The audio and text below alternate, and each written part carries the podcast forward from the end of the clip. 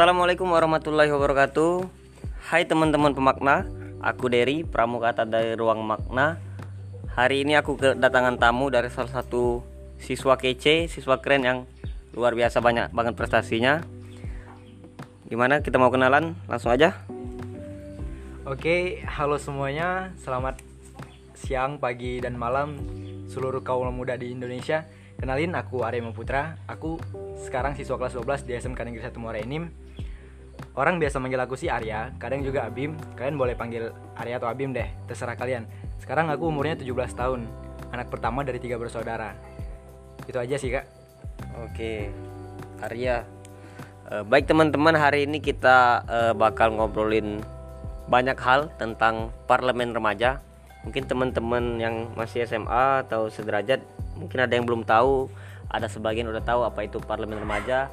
Di hari ini kita bakal ngobrolin itu. Mungkin langsung aja deh Arya eh, jelasin apa sih parlemen remaja itu. Oke, kayaknya sebelum aku jelasin, aku pengen eh, maparin sebuah kondisi atau urgensi kenapa parlemen remaja ini diadakan. Jadi gini kak, Indonesia sebagai negara demokrasi terbesar ketiga di dunia, tentunya pasti perlu pendidikan politik untuk generasi muda sedini mungkin. Yang mana kalau kita lihat faktanya, Indonesia terutama pada generasi muda, generasi Z eh, zaman sekarang, masih kayak pendidikan politik dan pengetahuan hukumnya itu kurang kak. Jadi mereka sering mengasumsikan bahwa pemerintah atau lembaga-lembaga negara itu punya em, semacam pandangan yang buruk lah di mata masyarakat. Oleh karena itu salah satu urgensinya yaitu eh, kurangnya atau minimnya pendidikan politik di masyarakat juga antara ketidakberimbangan media yang menginformasikan semua tentang hal tentang pemerintahan, kondisi politik di Indonesia dan sebagainya. Maka dari itu eh, Sekretariat Jenderal dan Badan Keahlian DPR RI melalui Biro Pemberitaan Parlemen mereka mengadakan kegiatan yang dinamai yaitu Parlemen Remaja.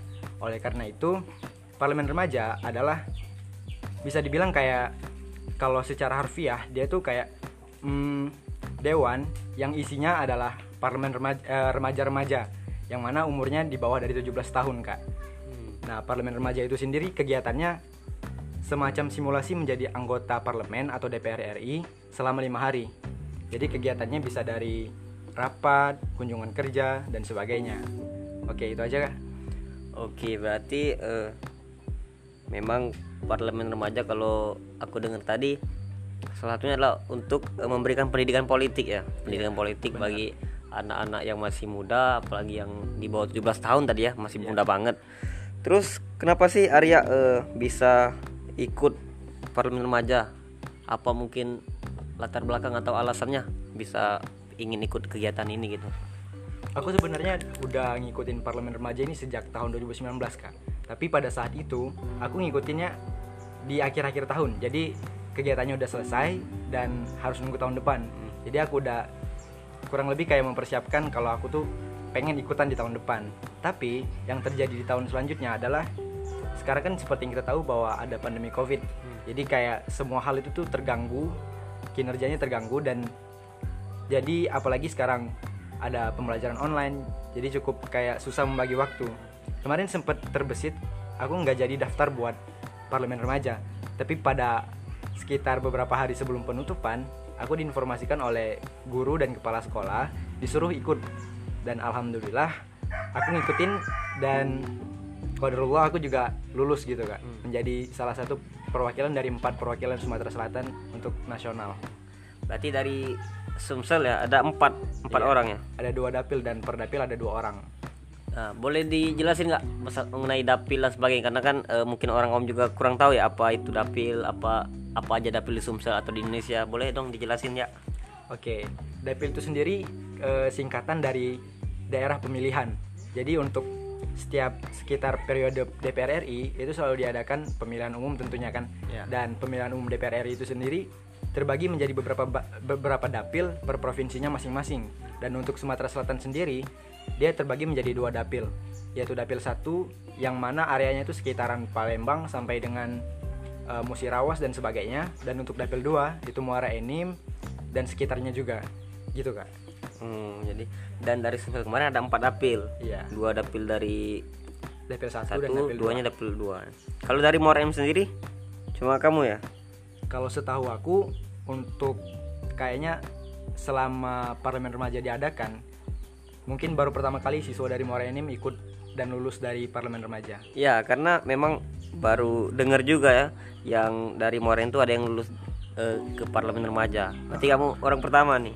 Orang pertama dan untuk saat ini satu-satunya dong. Iya, Luar biasa banget ya teman-teman. Eh, balik lagi mengenai kegiatan di eh, tadi kegiatan Parja tadi, boleh dong diceritain singkat. Tadi kan lima hari nih. Iya. Nah itu boleh diceritain lagi nggak apa aja kegiatannya mungkin secara mungkin kalau pagi ngapain, terus kalau siang ngapain, kalau terus kalau sidang ngapain gitu, boleh diceritain lagi nggak? Oke, jadi sebenarnya gini kak, parlemen remaja itu aslinya itu diadakan secara offline, yaitu oh ya sebenarnya aku jelasin dulu nih. Ya. Pada tahun 2020 ini ada sebanyak 6.257 pendaftar siswa se Indonesia memperebutkan kursi anggota DPR RI untuk menjadi anggota dari parlemen remaja. Yang mana kalau tahun sebelumnya itu 2019 itu adalah pendaftar terba- terbanyak sepanjang sejarah parlemen remaja yaitu kurang lebih sekitar 12.000 sampai 14.000 kalau aku nggak salah. Seluruh Indonesia tuh. Ya seluruh Indonesia kak. Dan yang terpilih untuk tahun ini tahun 2020 hanya 134 siswa perwakilan dapil. Hmm. Nah jadi untuk kegiatan parlemen remaja sendiri itu dibagi menjadi tiga garis besar utama, yaitu yang pertama orientasi. Orientasi itu semacam kayak pembekalan mengenai mekanisme kerja DPR RI, terus tata cara persidangan DPR RI, serta pendalaman materi tentang tema yang akan diangkat. Kemudian yang kedua yaitu kunjungan kerja. Seperti yang kita ketahui, anggota DPR RI pasti ada masanya dinas luar atau kunjungan kerja seperti itu kan ya. Iya. Nah, kunjungan kerja itu sendiri tujuannya adalah untuk menggali informasi sedalam-dalamnya tentang isu yang akan diangkat menjadi rancangan undang-undang kemudian. Nah, untuk tahun kemarin tahun 2020 karena kunjungan kerjanya secara online, jadi sistemnya dibagi menjadi tiga daerah. Jadi seluruh peserta dari 134 itu akan diba- akan dibagi menjadi tiga kelompok, yaitu kunjungan perja kelompok pertama, kelompok kedua, dan kelompok ketiga. Untuk kelompok pertama itu melakukan kunjungan kerja ke daerah Jakarta, DKI Jakarta. Untuk kelompok dua aku agak lupa sih antara kelompok 2 dan 3 kalau nggak salah kelompok 2 itu yang ke Sumatera Barat dan kelompok 3 itu ke Jawa Tengah jadi gimana sih mekanisme kunjungan kerja itu sendiri kalau secara online kalau secara offline kan kita ketahui ya kita datang ke sebuah lembaga atau daerah kemudian kita bertanya-tanya wawancara dan sebagainya kepada pakarnya yang ada di sana untuk dijadikan eh, materi dalam rancangan undang-undang. Nah kalau secara online aku sendiri kemarin terbagi eh, terpilih menjadi kelompok tiga yaitu provinsi Jawa Tengah yang mana narasumbernya ada dua orang. Eh satu orang. Kemarin harusnya dua. Tapi karena yang satunya kalau nggak salah berhalangan jadi hanya satu orang yaitu Gubernur Jawa Tengah Pak Ganjar Pranowo. Benar-benar kayak suatu hal yang nggak terbayangkan bisa ngobrol dengan Pak Ganjar. Dan Ganjar, aku juga sempat menanyakan sebuah pertanyaan yang kemudian di akhir acara diberi hadiah oleh Pak Ganjar. Hmm. Apa dikirimkannya hadiahnya? Buku sama baju oleh dia baju Jateng Gayeng. Hmm, luar biasa. oke terus kegiatannya sendiri semacam pembekalan materi mengenai kondisi COVID di Jawa Tengah sendiri. Kemudian gimana cara provinsi Jawa Tengah itu mengatasinya? Yang mana sekarang kan kalau kita lihat provinsi Jawa Tengah itu kan termasuk provinsi yang bisa mengatasi COVID dengan baik gitu. Iya. daripada mungkin ada provinsi-provinsi yang mungkin tertinggal. Aku juga nggak tahu sih. Nah jadi kurang lebih gitu kalau untuk par- eh, kurung- kunjungan kerja secara online. Kemudian yang kegiatan garis besar yang ketiga yaitu sidang paripurna dan sidang kerja rapat kerja. Ya. Sebenarnya untuk sidang itu ada satu lagi yaitu eh, apa ya aku agak lupa. Pokoknya yang diadakan di parlemen remaja itu sidang paripurna dan juga rapat kerja. Jadi yang pertama mekanismenya yaitu rapat kerja kemudian lanjut ke rapat paripurna di hari keesokannya jika is, eh, pembahasannya masih belum selesai masih di- belum ditemukan keputusan akhir. Nah untuk tahun 2020 sendiri yang menjadi pokok bahasan yaitu adalah rancangan undang-undang tentang perubahan atas undang-undang nomor 6 tahun 2018 tentang kekarantinaan kesehatan. Gitu kak. Kurang lebih tiga itu sih kegiatan utama parlemen remaja tahun kemarin. Berarti eh, agak beda berarti ya karena tahun kemarin itu Covid jadi semua kegiatan secara online berarti. ya beda banget pokoknya. Nggak kebayang sih kalau beneran offline diundang ke Jakarta gitu kan. Lima hari di DPR RI wah. Luar biasa itu. Bener-bener pengalaman yang nggak bakal dilupain sih dan udah pernah belum ke D- gedung DPR belum, Belum tapi tapi em, mungkin kayaknya ada rencana deh tapi nggak tahu kapan. Dari parlemen remaja yang tahun 2020 sendiri? Iya masih dalam proses. Tapi Berarti sa- juga. satu angkatan itu berbeda setiap tahunnya? Berbeda tentunya. Kan tahun kemarin kan 134 tadi ya 134 orang. Kalau yang tahun 2019 kayaknya 128 kalau nggak salah. 128 menyesuaikan. Menyesuaikan berarti ya? Ya terus kalau pernah lihat juga kayak ada fraksi ada komisi begitu ya boleh juga dijelasin apa fraksi itu apa sih komisi apa atau yang lain-lain pembagiannya boleh dong dijelasin Oke, jadi dalam parlemen remaja itu sendiri, seperti yang kita ketahui, kita ketahui kalau dalam dunia nyata DPR RI itu kan terbagi menjadi eh, berasal dari berbagai partai. Hmm. Contohnya ka- kayak Partai Nasdem, Demokrat dan sebagainya. Nah, untuk di parlemen remaja sendiri itu dinamakan partai-partainya atau fraksinya yaitu dari nama kerajaan. Hmm. Dan aku sendiri tergabung dalam fraksi Kutai. Kemarin untuk fraksi itu ditentukan oleh panitianya sendiri. Jadi nggak pesertanya yang milih nggak. Ada fraksi Kutai, Majapahit, em, apa lagi ya? ada berapa kemarin Ada lima. lima Ada lima. Pokoknya semuanya nama kerajaan. Kalau aku sendiri fraksi Kutai sih kak. fraksi Sriwijaya ada nggak Sriwijaya untuk tahun 2019 ada, tapi tahun 2020 nggak ada. Tiap fraksi itu berarti orang-orangnya di random diacak itu Iya benar. Jadi dalam satu dapil itu kemungkinan berbeda fraksi. Jadi kitanya ketemu dari eh, dapil lain, dari provinsi sana sini, seluruh Indonesia itu ketemu pasti dalam satu fraksi ada dari seluruhnya kan. kamu tadi fraksi Kuta ya Iya. nah fraksi Kuta sendiri boleh dong diceritain dikit orang-orang dari mana aja gitu dari daerah mana gitu Oke, untuk fraksi aku sendiri kemarin kan kita kayak ada konsolidasi fraksi gitu kan kak, buat Iya. menentukan siapa yang bakal jadi ketua Ketua fraksi. fraksi, juru bicara dan sebagainya. Nah kemarin kalau untuk ketua fraksi sendiri itu bukan kita yang nentuin karena takutnya nanti ada sedikit perdebatan Iya. dan sebagainya, jadi ditentukan oleh panitia berdasarkan dari apa yang kita submit di awal di awal seleksi. Hmm. Jadi panitia yang melakukan penilaian siapa yang cocok buat jadi ketua. Nah untuk ketua fraksiku sendiri itu ada dari dapil Kalimantan Barat, namanya Deva. Dia anaknya memang kayak kritis gitu, tapi dia bu- tipenya bukan yang fighter yang suka berargumen keras gitu kan. Hmm. Dia orangnya kalem, tapi wawasannya luas gitu. Jadi cocok lah jadi ketua fraksi. Iya. Nah, yang kami rembukan untuk dalam konsolidasi fraksi yaitu juru bicara. Karena kan pada rapat nanti akan ada penyampaian pandangan fraksi kan ya. Iya. Nah, yang menyampaikan itu adalah juru bicara. Maka dari itu panitia menginstruksikan untuk seluruh fraksi itu membentuk seorang juru bicara yang bakal menyampaikan pandangan fraksi mereka pada saat sidang. Iya. Nah, kemarin sempet terjadi sedikit apa ya? Kayak hmm, perselisihan gitu sih kak. Kayak perebutan siapa yang bakal jadi juru bicara dalam fraksiku sendiri ya. Kalau nggak aku nggak tahu kalau fraksi lain gimana. Nah untuk fraksiku sendiri kemarin kami eh, cara menentukan juru bicaranya itu kami sedikit membahas sebuah isu, kemudian kami beradu argumen. Siapa yang argumennya paling kuat dan paling eh, gimana ya paling mantap dalam penyampaiannya. Nah kemarin ada dua orang nih calon juru bicara yang bener-bener kayak eh, di vote jadi gara-gara saking bingungnya mau nentuin siapa. Hmm. Jadi kemarin sempet aku salah satunya dan yang satunya lagi yaitu ada temen aku Laras dari dari dari mana ya? Kalau nggak salah Sulawesi atau Nusa Tenggara. Aku lupa. Iya. Nah tapi kemarin waktu vote aku kalah. Jadi aku nggak jadi juru bicara. Si temenku si Laras itu yang jadi Saras salah Saras bukan Laras. Sorry Saras kalau nonton. Jadi Saras yang jadi juru bicara. Gitu kak. Dia emang orangnya pinter ngomong dan berdasarkan data dan fakta nggak ngomong tanpa dasar gitu kak. Si Saras tadi ya ya Saras. Berapa orang jadi fraksi Kuta ini. Kemarin fraksinya tuh kan ada lima tuh kak. Ya tapi setiap anggotanya itu beda-beda. Mulai dari yang paling atas itu kalau nggak salah Majapahit dia yang paling banyak. Dan yang paling terakhir itu ada fraksi Tidore ke- kerajaan Tidore. Nah mereka yang paling sedikit. Tadi Majapahit paling banyak kemudian nurun nurun nurun dari lima itu yang paling sedikit ada Tidore.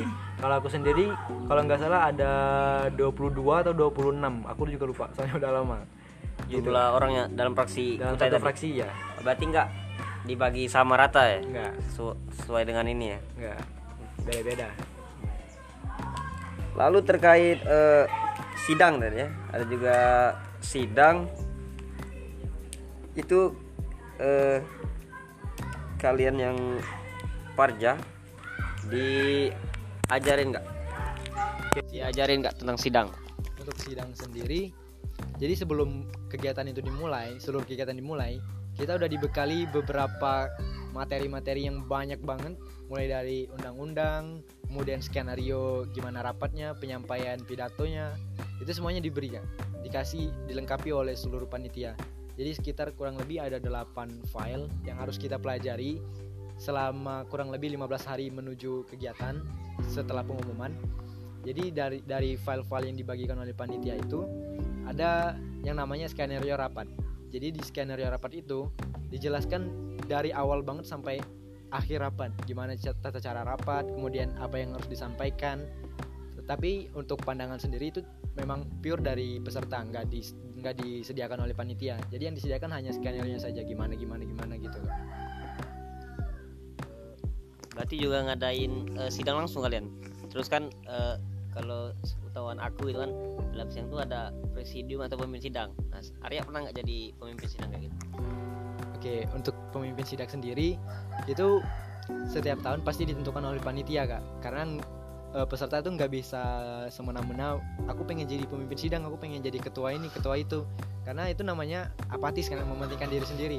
Nah jadi untuk kekondusifan kegiatan, panitia yang menentukan kak. Jadi panitia menilai dari dokumen-dokumen seleksi seperti esai, video, dan juga prestasi-prestasi siswa. Nah untuk pemimpin sidang kemarin itu hmm, yang jadi pemimpin sidang itu cewek kak. Tapi tapi sebenarnya gini kak, untuk tahun 2020 itu kan online. Jadi kemungkinan untuk yang memimpin sidang itu yang ada di Jakarta, karena dia bakal diberi palu. Jadi ribet kalau mau nganternya tuh pakai pengiriman sebagainya. Jadi kemarin yang jadi pemimpin sidang itu cewek, namanya Diandra. Dia sekolah di Jakarta pokoknya aku lupa dapil berapa. Ya itu aja sih kak. Cewek kalau tahun aku. Tiga ya tiga orang. Kemarin ada kalau untuk meja depan meja pimpinan itu ada enam orang atau lima orang aku lupa. Ada pemimpin sidang pimpinan sidang ada dirjen pemerintahan ada juga wakil pimpinan sidang gitu kak. Berarti memang dibagi oleh panitia ya terkait hal-hal seperti itu. Lalu eh, ada juga nggak pembagian kayak pembagian komisi dan badan? Karena kan eh, yang kita tahu di DPR itu ada dia ada ada 9 atau 11 komisi yang memang komisi itu membidangi hal-hal terkait lalu ada badan-badan juga nah di Parja sendiri ada nggak pembagian kayak gitu Oke, untuk Parlemen Remaja sendiri pada tahun 2020 itu kan tema besarnya yaitu gotong royong mengatasi pandemi COVID-19, optimis kita bisa. Dari tema sendiri kita bisa kita udah bisa nentuin nih. Sebenarnya ini bidang apa sih? Tentunya kalau berhubungan dengan COVID pasti berhubungan dengan kesehatan kan kak. Nah untuk yang membidangi kesehatan sendiri itu kalau aku nggak salah Komisi 9 DPR RI. Nah jadi untuk tahun Parja itu nggak nggak dibagi sebanyak eh, beberapa komisi seluruh komisi tapi hanya berfokus di satu komisi yaitu yang membidangi kesehatan. Nah jadi kami seluruh peserta itu disimulasikan menjadi anggota komisi 9 tadi kak. Kalau aku nggak salah ya 9 atau berapa? 9 kesehatan kayaknya Berarti memang untuk tahun ini melihat suasana juga memang dibagi khusus komisi 9 tadi ya yang men- menangani tentang kesehatan. Lalu eh, apa sih yang paling membuat Arya terkesan atau paling wih keren banget yang kegiatan ini yang di Parja itu dari selain dari kegiatan yang lain yang paling keren apa sidangnya mungkin atau apa yang menurut Arya ini paling berkesan meskipun tetap melalui online? Oke, aku bisa bilang kegiatan Parja ini Parlemen Remaja itu adalah salah satu kegiatan yang paling bergengsi se Indonesia. Karena tentunya dari pemerintahan dan juga benar-benar pendaftarnya aja sampai ribuan, bahkan sampai belasan ribu. Itu kita udah bisa menyimpulkan kalau kegiatan ini memang benar-benar banyak yang ngejarnya gitu kan. dan aku benar-benar bersyukur bisa menjadi bagian dari 134 orang yang benar-benar hebat aku sampai mikir kayak kok aku bisa lulus sih dari di antara orang-orang hebat itu Iya, jadi gini kak untuk yang benar-benar bikin aku berkesan waktu kegiatan itu pas sidang. Aku benar-benar kayak amazed kayak benar-benar kaget ngelihat semua siswa itu pemikirannya benar-benar kritis berdasarkan data dan fakta nggak asal ngomong nggak yang kayak masyarakat masyarakat bilang gimana sih DPR itu yang jelek-jeleknya doang. Tapi kita anggota parlemen remaja itu benar-benar tahu gimana fungsi dan peran DPR nggak cuman buat undang-undang doang semena-mena dan sebagainya kita benar-benar tahu gimana prosesnya gimana lika-likunya dan itu benar-benar sulit sih nggak nggak nggak cuman kayak sah-sah gitu doang. Sehari nggak selesai. Nggak nggak nggak nggak banget. Jadi benar-benar banyak prosesnya. Itu sih yang dilalui. Tapi yang bikin benar-benar berkesan itu bisa ketemu dari seluruh siswa hebat di Indonesia kak. Mereka yang punya prestasi internasional nasional apalagi kebanyakan anak-anak debat kan kak kayak benar-benar nggak nyangka gitu bisa jadi bagian dari mereka gitu kak. Luar biasa banget berarti ya. Eh, terus benefit atau apa aja yang didapetin sih dari Parja tahun 2020 meski- selain eh, daripada pengalaman? Pasti ya apa aja yang mungkin dalam bentuk berwujud atau dalam bentuk fisik yang Arya dapetin? Oke, kalau untuk yang berwujud, sebenarnya kemarin karena menyesuaikan pandemi sih kak. Jadi semua paket Parja itu dikirim melalui Pos Indonesia. Nah, apa aja sih yang dikirim? Yang dikirim dari Sekjen Sekretariat Jenderal DPR RI itu ada jaket, jaket Parja pasti itu ya setiap tahun kak, sebagai formalitas anggota. Kemudian ada juga buku, ada juga stiker-stiker, ada juga masker dan sebagainya. Juga ada kayak semacam kartu ucapan pasti itu ya kak tapi bedanya dengan tahun 2019 yang offline yang benar-benar diundang ke DPR RI selama lima hari mereka dapat banyak banget kak. Tapi itu juga kan menyesuaikan mereka juga kegiatannya memang offline dan berhubungan dengan fisik gitu kan kita kan selalu depan laptop jadi ya nggak beda lah. Nah kalau untuk tahun 2019 itu kan ada kunjungan kerja. Nah mereka dapat topi dapat tas. Kemudian untuk di Wisma DPR RI mereka juga dapat baju olahraga dapat jaket dapat tumbler dan sebagainya. Nah untuk tahun kami karena online jadi nggak nggak sebanyak yang tahun sebelumnya. Jadi kalau yang untuk jadi Parja itu ada kirim dua kali paket kak. Pertama dan juga terakhir. Nah yang pertama itu isinya jaket eh, kartu ucapan face shield masker kemudian em, apa lagi ya? Kayaknya udah ya nah untuk paket yang kedua setelah kegiatan itu ada bunga rampai. Nah, bunga rampai itu bukan bunga sih, Kak. Jadi bunga rampai itu tuh kayak kumpulan seluruh esai parlemen remaja di tahun itu yang lulus seleksi. Jadi dibukukan. Setiap tahun pasti dibukukan. Nah, dinamai bunga rampai. Kemudian juga ada kemarin waktu kegiatan ada door prize door prize gitu, ada yang menang kuis, ada yang eh, menjawab ini itu dan sebagainya. Itu ada kayak dapat baju, ada yang dapat bantal, ada juga yang dapat tumbler, minuman. Nah, di setiap tahun itu ini aku cerita aja ya kak. Di setiap tahun itu ada lima peserta terbaik dari seluruh peserta parlemen remaja dan juga ada satu peserta favorit melalui phone. Nah, lima peserta terbaik ini setiap di tahun ke depannya bakal diundang ke Istana Merdeka dan juga gedung DPR RI untuk menghadiri upacara kemerdekaan 17 Agustus bersama Bapak Presiden Joko Widodo. Nah, untuk tahun 2020 ada lima orang, yaitu yang pertama ada dari Sulawesi Utara, dua dari Banten, satu dari Sumatera Barat, dan satu lagi dari eh, Maluku. Untuk, nah ini ada yang spesial nih kak. Peserta favoritnya dari Sumsel, dari Dapil 1 Sumatera, Sumatera Selatan. Namanya Zidan, panggilannya Zidan. Nama nama lengkapnya Ahmad Adriansa. Nggak tahu kenapa dipanggil Zidan. Dia dari Sumatera Selatan satu, sekolah di SMA Al Azhar Palembang. Ya, ya Al Azhar apa Azhar ya? SMA Islam di Palembang pokoknya. Ya, terfavorit Parlemen Remaja 2020. Aku nggak tahu sih kalau untuk peserta favorit diundang apa enggak, tapi yang peserta terbaik udah pasti diundang. Gitu kak. Oke, berarti eh, wajar lah kemudian eh, Parja ini banyak yang minat ya karena eh, dari segi pengalaman, dari segi hal-hal lain juga kita mendapatkan banyak hal. Terus gimana sih ya eh, kalau teman-temanmu yang lain atau adik tingkat adik kelasmu mau ikutan Parja? Boleh dong jelasin tata caranya gimana mulai dari pendaftaran mungkin sampai ke esai atau gimana. Terus kalau boleh juga dijelasin tentang waktu-waktunya nih. Misalnya uh, pembukanya bulan-bulan sekian terus ini bulan sekian. Boleh dong dijelasin. Oh iya aku tadi ada lupa sedikit kak. Um, jadi tadi di awal tadi udah jelasin urgensi kenapa diadakannya parlemen remaja. Nah salah satunya yaitu adalah amanah dari asosiasi parlemen dunia atau IPU jadi setiap tanggal 15 September itu diperingati International Day of Democracy atau Hari Hari Demokrasi Internasional. Nah, pada tanggal 15 September itu pula pendaftaran Parja dibuka. Jadi Parja itu kalau untuk tahun 2020 pendaftarannya hanya 15 hari. Jadi nggak lama banget. Dan seleksinya juga 15 hari, kemudian pengumuman. Nah, kemudian kelang lagi 15 hari baru kegiatan. Nah, untuk adik-adik di terutama di SMK Negeri 1 Muara Enim adik-adik kelasku yang tahun depan atau tahun ini mau ikut Parja, ini benar-benar recommended banget sih.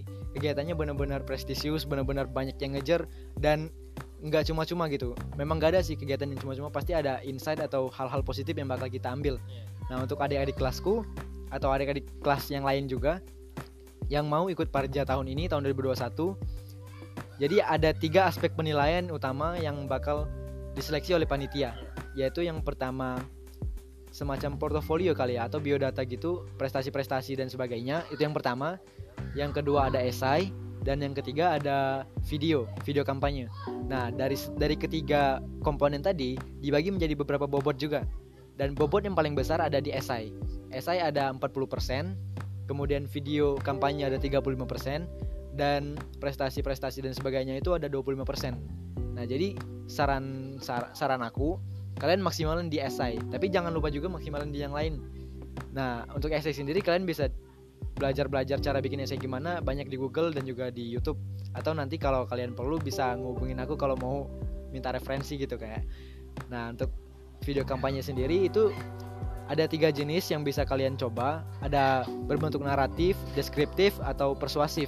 Terserah kalian mau yang mana tapi di aspek penilaian video yang paling dinilai yaitu adalah uh, substansi keterkaitan video dengan fungsi DPR RI yaitu fungsi um, legislasi, anggaran dan pengawasan.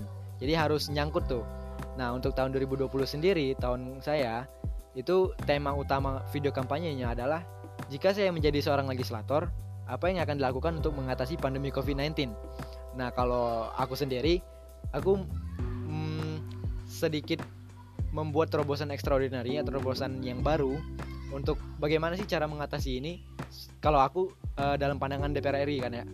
Nah aku sendiri yang pertama aku bakal bekerjasama bers uh, dengan Komisi 9 DPR RI yaitu merancang rencana pembangunan jangka panjang atau RPJP tahun 2020 sampai 2045 yang mana kalau kita lihat dari ancaman dan uh, ancaman dan juga risiko terjadinya resesi ekonomi bakal aku jadikan sebagai undang-undang prioritas bersama MPR.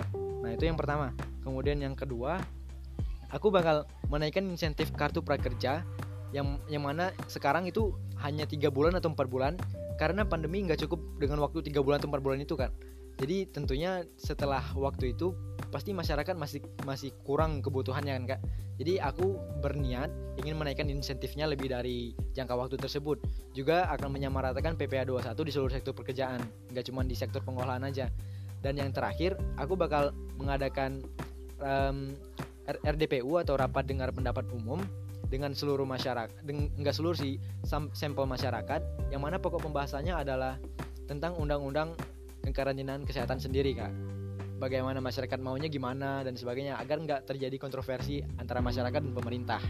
Nah untuk adik-adik sendiri kalian bisa coba mulai dari sekarang belajar gimana sih fungsi DPR itu nggak cuman bikin undang-undang doang. Jadi ada anggaran dan juga pengawasan. Nah itu kalian pelajari kemudian kalian implementasikan ke dalam esai dan video kalian yang benar-benar bagus. Karena itu seleksinya seluruh nasional loh nggak cuman di dapil doang. Jadi kalian harus melawan harus ngalahin seluruh berkas seleksi orang-orang siswa-siswa lain yang juga pastinya ada yang lebih bagus ada yang bener-bener berdasarkan data banget kayak udah saintis gitu dan sebagainya. Pokoknya semangat deh buat kalian yang pengen jadi anggota parlemen remaja. Ini benar-benar kegiatan yang positif yang bisa membuka pikiran kalian tentang pemerintahan dan politik di Indonesia. Gitu kak. berarti eh, kompleks banget ya eh, seleksinya itu dari portofolio tadi ada esai juga video kampanye nah kalau esai sendiri boleh dong eh, dijelasin singkat tentang esai yang ditulis Arya terus apa judulnya gitu boleh Oke, untuk video kampanye dan esai sendiri itu temanya beda kak. Nah kalau untuk video kampanye tadi kan jika saya menjadi seorang legislator, apa yang akan saya lakukan untuk mengatasi pandemi COVID-19?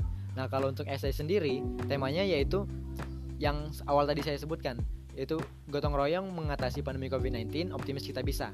Nah aku mengambil sudut pandang sosial dan ekonomi karena aku aku tuh pengen beda gitu dari peserta lainnya pasti aku mikir gini peserta tuh pasti mikirnya oh covid pasti berhubungan dengan kesehatan. Nah aku mikir dari sudut pandang lain yaitu sosial dan ekonomi yang pasti juga berdampak berdampak uh, masif ke Indonesia pada pandemi ini. Nah aku mengambil judul terobosan extraordinary dalam perspektif DPR RI guna mempercep uh, guna mendukung percepatan pemulihan ekonomi nasional gitu kak. Itu untuk judulnya. Kalau untuk penjelasan rentetan ke bawahnya mungkin kayak covid itu asalnya dari mana? Dan oh iya tentunya dari DPR RI dari pihak panitia itu menilai jangan dari harus benar-benar dari data yang kayak dari jurnal dari penelitian yang sah bukan dari kayak berita-berita yang kebanyakan hoaxnya gitu. Jadi referensi itu juga dinilai gitu. Nah di akhir esai itu kalian harus memaparkan apa sih yang bakal kalian kalian lakukan kalau kalian menjadi anggota DPR RI untuk mengatasi pandemi COVID-19 itu untuk di tahun saya kan kak. Kalau untuk tahun depan aku nggak tahu apa temanya pokoknya kalian sesuaikan aja gitu. Itu untuk esaiku sendiri. Oke terus uh, ya apakah ada nggak sih uh, kegiatan pasca uh, parlemen remaja ini? Ya mungkin kalau kegiatan kumpul atau ini kan oke okay lah pasti. Maksudnya setelah kegiatan ini apakah eh, masing-masing uh, DPR lah kita sebut DPR-nya ini uh, dituntut atau diminta untuk melaksanakan kegiatan dalam bentuk nyata atau aksi nyata atau ada hal-hal lain yang dilanjutkan mungkin dari kegiatan yang telah di, diikuti selama lima hari itu Oke, kalau untuk secara yang benar-benar disebutkan dalam um, parlemen remaja itu kayaknya nggak ada kalau untuk kegiatan setelah pasca parlemen remaja. Nah tapi setiap peserta parlemen remaja yang udah selesai melakukan kegiatan itu biasa disebut sebagai purna parja atau alumni parlemen remaja yang tergabung dalam keluarga parja gitu kak. Nah untuk tahun 2020 sendiri angkatan saya kami alumni alumni parlemen remaja kemarin membentuk sebuah galang galang dana untuk korban gempa, banjir dan juga tanah longsor kami menyalurkan yang mana setiap perwakilan provinsi akan menjadi koordinator yang kemudian yang mana provinsi terkait yang mengalami dampak dari bencana itu sendiri akan menyalurkannya gitu kak. Kemarin ada di Sulawesi Barat ada juga di Kalimantan Selatan dan juga Sumedang Jawa Barat. Nah mereka sendiri kami uh, berkontribusi secara online yang mereka yang di provinsi terkait melakukannya secara nyata pemberian donasi secara nyata. Nah untuk kegiatan selain itu kayaknya nggak ada deh kak. Tapi mungkin kalau inisiatif sendiri bisa ada tapi kalau untuk dari panitia DPR sendiri kayaknya nggak ada gitu kak. Dan apakah alumni ini kemudian jadi panitia parja juga? Atau panitia memang dari DPR atau gimana? Kalau masalah ini aku kayaknya kurang tahu kak. Tapi mungkin bisa jadi. Tapi hanya beberapa orang yang terpilih saja. Tapi aku nggak tahu deh. Kalau untuk biasanya umumnya itu memang benar-benar dari panitia biro pemberitaan parlemen dari DPR RI bener kak. Jadi nggak alumni parlemen remaja yang jadi panitianya. Tapi aku nggak tahu deh. Aku kurang tahu. Mungkin kalau teman-teman ada yang lebih tahu bisa dibenarkan gitu. Aku kurang tahu juga kalau masalah ini. Oke deh terakhir ya. Uh, boleh dong uh, apa sih harapan Arya untuk uh, siswa baik itu Kabupaten Muara Enim, Sumatera Selatan, Indonesia secara umum harapan Arya untuk siswa terkait uh, dengan pendidikan politik yang ada di Indonesia juga mungkin kasih pesan semangat untuk teman-teman siswa uh, biar uh, bisa ikut parlemen remaja di tahun ini ya. Oke, aku sendiri melihat kondisi di Indonesia ini kayaknya anak-anak generasi muda itu mudah termakan hoax kayak. Mudah kayak menyimpulkan dan juga mudah menyebarkan sesuatu yang belum tentu benar. Nah, maka dari itu kalian bisa ikut deh kegiatan ini. Ini benar-benar kayak membuka pikiran kalian kalau kalian tuh harus menyaring semua informasi sebelum membagikannya. Kayak contohnya yang kemarin itu ada ada Omnibus Law, itu banyak perbedaan pendapat antara pemerintah dan juga masyarakat. Nah, di situ di sisi itu sendiri, ketika aku udah tergabung di parlemen remaja yang mana pada saat itu masih panas-panasnya masalah itu, itu kayak benar-benar tahu gimana sih lika-likunya dan juga gimana cara pembuatan undang-undang dan sebagainya. Aku nggak menentang pihak mana pun ya kak. Aku cuma menjelaskan pengalaman yang aku dapatkan.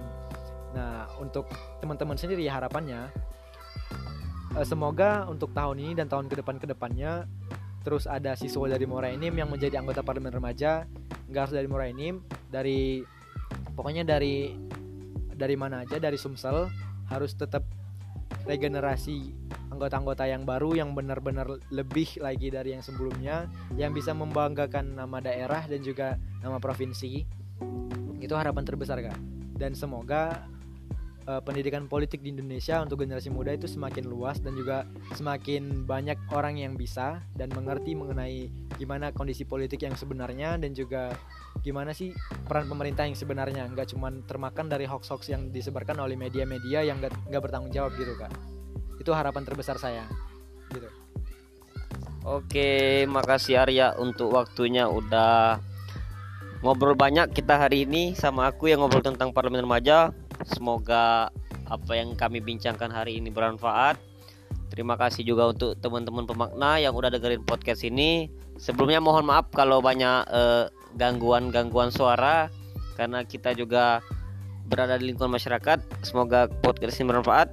Nantikan podcast berikutnya. Terima kasih. Assalamualaikum warahmatullahi wabarakatuh.